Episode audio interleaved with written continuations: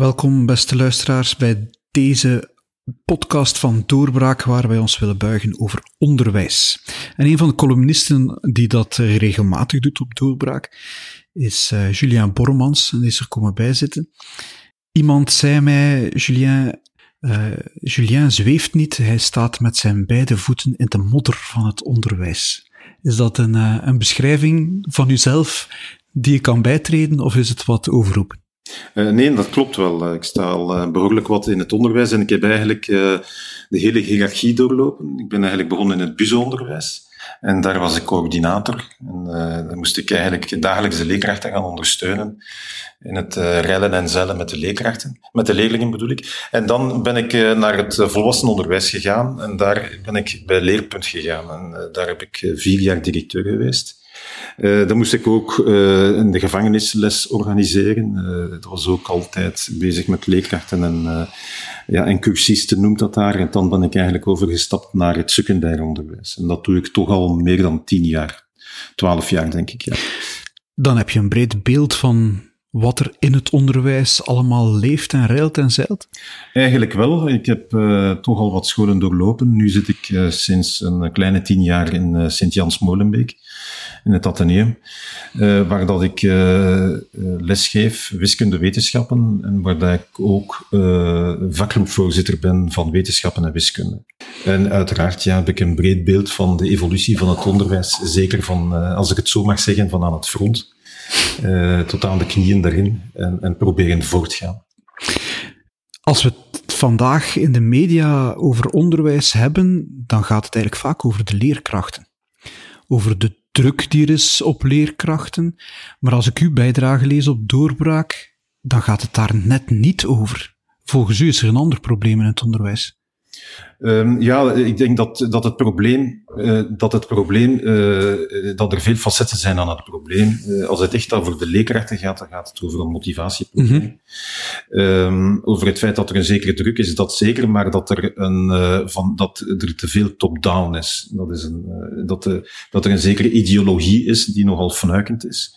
en dat, is, dat heeft te maken met het gelijk onderwijskansenbeleid. U schreef een column op Doorbraak het is tijd voor een destalinisatie van het onderwijs. Ja. Dat is toch nogal een straffe term eigenlijk. Ja, de dingen moeten soms scherp gesteld worden, maar dat is ook zo. Uh, ik denk dat het gelijke kansenonderwijs, dat dat echt een ideologie is die van boven wordt opgelegd, uh, linkend aan Rousseau. Uh, het welbevinden, het, het, de leerling mm -hmm. moet zich goed voelen. en er is een zekere gelijkschakeling. En dat is eigenlijk iets wat van bovenop, bovenaf opgelegd wordt, wat dat er geen discussie over is. En is dat de oorzaak ook, denkt u, van ja, onderzoeken tonen aan dat ons onderwijs achteruit gaat? Gaat dat dan over te veel nadruk op het welbevinden? Het gaat enerzijds over een stuk over het welbevinden. Het gaat anderzijds over een stuk ook over het feit dat het, uh, het onderwijs, uh, geen, uh, laten we het zeggen, dat zij te veel gelijk gebleven is, dat zij niet de aansluiting vindt met de evolutie in de maatschappij. Je moet ook rekening houden, de leerlingen die wij binnenkrijgen, dat zijn niet de leerlingen meer van 20, 30 jaar geleden. Die zitten in een heel andere, andere maatschappelijke constellatie. Maar ons onderwijs is in C, au fond, gelijk gebleven. Nog altijd dezelfde vakken, nog altijd dezelfde directie, nog altijd dezelfde structuren, nog altijd dezelfde indelingen. Uh, en dat is iets wat dat niet klopt. Uh, daar is ook een reden. Ik, ik volg voor een stuk ook de, de algemene analyse, dat het niveau gezakt is. Mm -hmm. uh, maar ik, er zijn er nog een aantal zaken die erbij moeten komen. er zijn ook sociaal-economische factoren die erbij komen. Er is ook een evolutie van de maatschappij die niet zo eenvoudig is. Er is een enorme diversiteit binnen onze maatschappij gekomen, die eigenlijk niet zo goed gemanaged wordt. Uh, er zijn die, die diversiteit met al zijn problemen, dat uh, vertaalt zich steeds meer in het onderwijs. Uh, daar heeft het onderwijs ook geen antwoord op. maar hoe, hoe, hoe vertaalt zich dat in het onderwijs? Waar komt die diversiteit, waar zorgt die diversiteit in het onderwijs voor problemen? Of hoe zorgt dat voor problemen? In eerste instantie naar taal, dat is zeer belangrijk. Hm? Communicatiemiddel bij uitstek, Nederlands. Dan, dan heeft u het over de taalachterstand. De taalachterstand is een zeer, zeer groot probleem, uiteraard. Uh, maar dat is niet het enige aspect. Uh, dat is zeer belangrijk omwille van het feit dat men de thuistaal uh, niet Nederlands is. Maar dat op zich hoeft dat geen probleem te zijn. Als de ouders sterk genoeg staan om dat op te vangen. Als de omgeving sterk genoeg staat om dat op te vangen. Ik heb ook nog een immersie, mm-hmm. immersieonderwijsles gegeven. Immersieonderwijs is lesgeven in een andere, in een andere taal. taal. terwijl ja. dat de thuistaal haak staat op die van, van de school. Mm-hmm. en dat op zich, dat lukt bij zeer intelligente kinderen, bij intelligente kinderen die taalvaardig zijn en die thuis ook een goede situatie hebben met veel ondersteuning. Daar knelt natuurlijk ook het schoentje. Uh, de leerlingen die me meestal binnenstromen vanuit anderstalige hoek, zijn toch leerlingen die veel zorg en uh, nood hebben aan veel zorg en die op dat vlak een behoorlijke achterstand hebben met voldoende ondersteuning van thuis. Maar dat was toch net de bedoeling van die gelijke onderwijskansen, om die leerlingen die meer zorg nodig hebben, om die die zorg ook te kunnen geven? En dat is inderdaad de bedoeling. De vraag is of dan die middelen goed ingezet worden. Dat is al de vraag. Er zal dus wel eens een onderzoek moeten naar gebeuren. Of dan alle middelen die uitbesteed worden door HOK, of dan die echt op die op dat niveau of altijd terecht worden uh, besteed. Um, een tweede zaak is natuurlijk dat, uh, dat dat eigenlijk een doekje voor het bloeden is. Die beleid dat is goed, oké. Maar er is nog altijd een thuissituatie die je niet kunt veranderen. En de instroom blijft de instroom. En dat is eigenlijk wat men, uh, wat dat eigenlijk over het hoofd wordt gezien. Ja, want u, u zegt taal is echt een probleem. Men wil dat nu aanpassen door bijvoorbeeld de schoolleeftijd, de verplichte schoolleeftijd te verlagen naar vijf jaar. Een goede zaak? Ja, eigenlijk vanaf drie jaar of twee jaar zou mhm. het eigenlijk al moeten. Uh, moet er een instroom komen naar het kleuteronderwijs. En, en, daar in het onderwijs moet men ook kiezen voor een, duidelijke mainstream cultuur. Uh, het is ook zo dat het, dat het onderwijs, of het aanbodonderwijs, of het onderwijs rond Nederlands, dat dat eigenlijk qua kwaliteit wel achteruit boert. Uh, dat dat niet meer degelijk gebeurt, of zoals dat vroeger gebeurde, met schrijven, lezen, luisteren en spreken, dat die al die facetten behoorlijk goed aan bod komen. Um, is het ook zo dat, uh, dat de, de uh, school of het onderwijs als integratiemachine, uh, mm -hmm. dat dat eigenlijk wel fout loopt. Het is niet alleen een integratie, het is ook een emancipatie, want integratie betekent ook emancipatie. Dat dat eigenlijk daar stokt. En het probleem begint al in het kleuteronderwijs, waar dat de school, dat de behoefte of de behoefte naar school lopen bij leerlingen met die achterstand, dat dat eigenlijk niet wordt aangevoerd. Ze stromen dan in op Aangevoeld jaar. door de ouders. Door de ouders, inderdaad. Ja. ja. Uh, dat wordt dan niet goed aan, uh, wordt dan niet genoeg gemanaged. Uh, dan stromen ze in het basisonderwijs en, en, daar hebben ze al een achterstand. En tegen dat zij in het secundair komen, mm -hmm. hebben ze al gemiddeld een achterstand van twee jaar. En dat haal je niet meer in. Maar wat moeten we dan doen? Ik hoorde onlangs op een debat uh, Barbara Pas verklaren. In Nederland zijn er verplichte taalbaden. We moeten ook zoiets doen in, in Vlaanderen. Is dat een oplossing?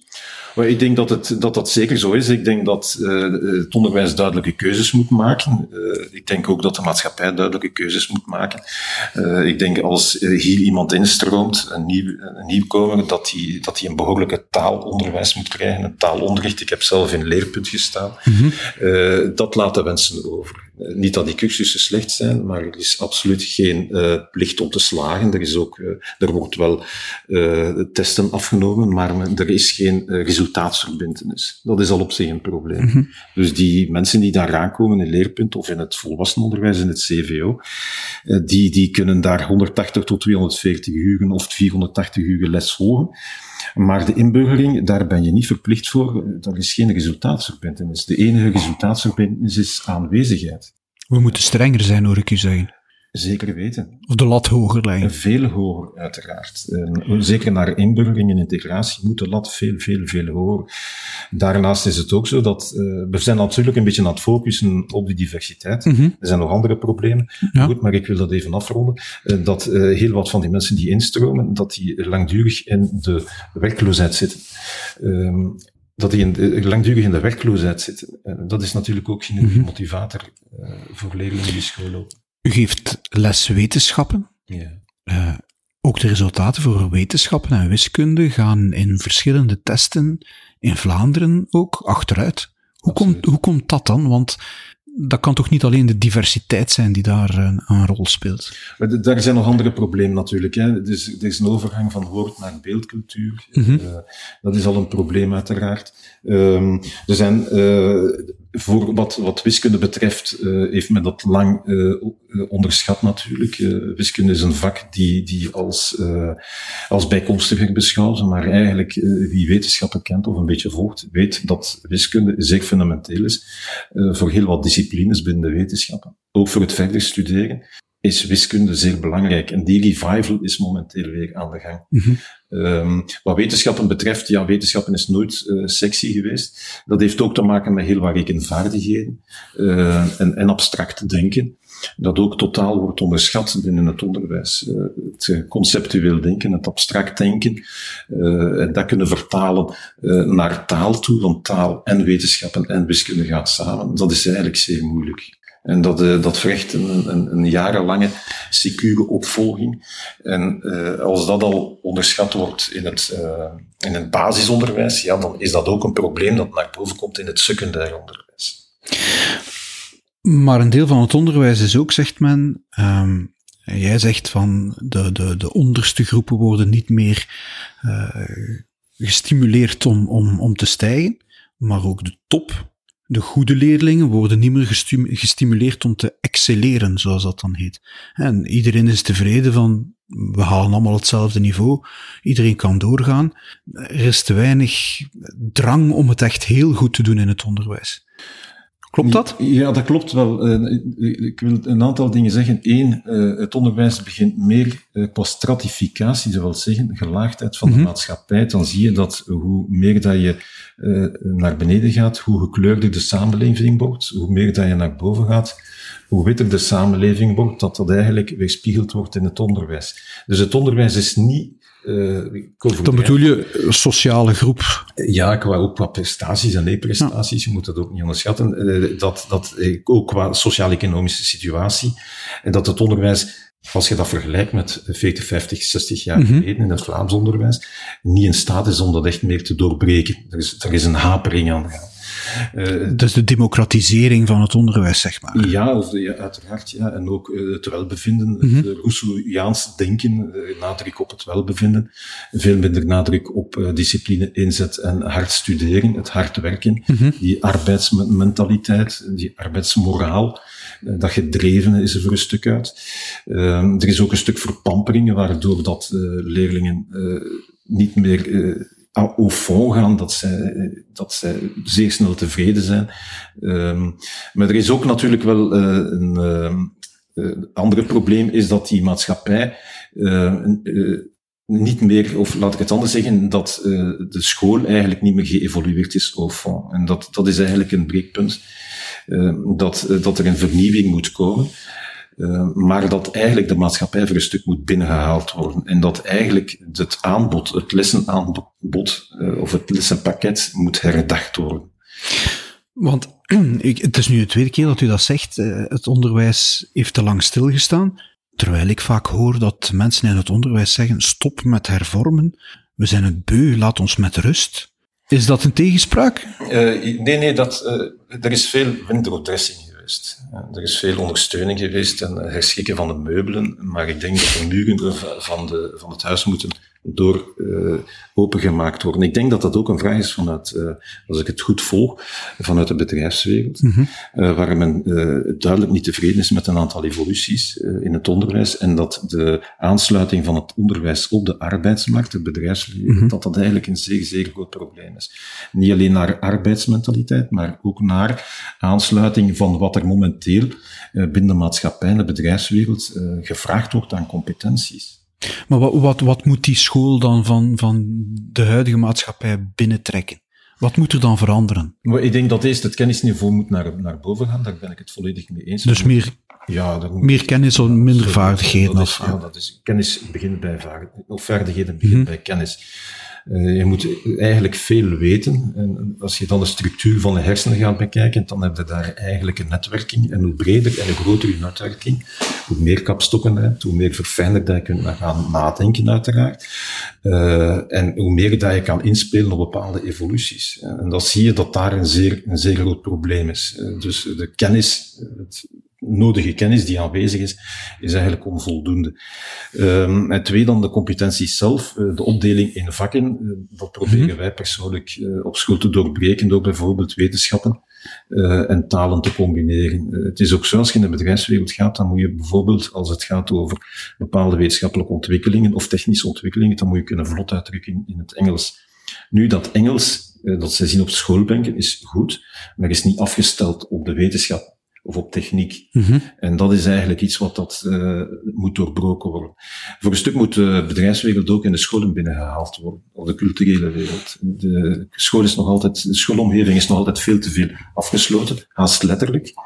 En, en dat is eigenlijk, naar een 21ste eeuwse model van school, is dat eigenlijk niet meer haalbaar. De meeste schoolgebouwen zijn ook 19e, 20e eeuw, zijn daar eigenlijk ook niet op gemaakt. En dat zijn eigenlijk de fundamentele veranderingen die moeten, naar mijn mening, doorgevoerd worden binnen de school. Niet zozeer de Windows dressing, maar, uh, of het herschikken van de meubelen, maar effectief die maatschappelijke realiteit binnenhalen. En dan gaan de mensen weten, of die leerlingen beseffen, dat de standaarden die gevraagd worden om mee te draaien in de maatschappij veel hoger liggen dan dat wij momenteel aanbieden of aankunnen.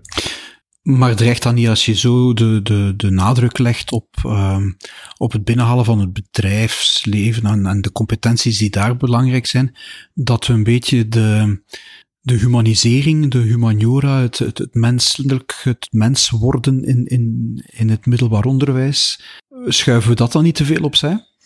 Ik denk dat dat een belangrijk facet is, uh, die, die ook binnen de maatschappij uh, de laatste tientallen jaren sterk geëvolueerd is. Mm Ik ga niet het failliet gaan afkondigen van het, van het humanitair denken, dat zeker niet.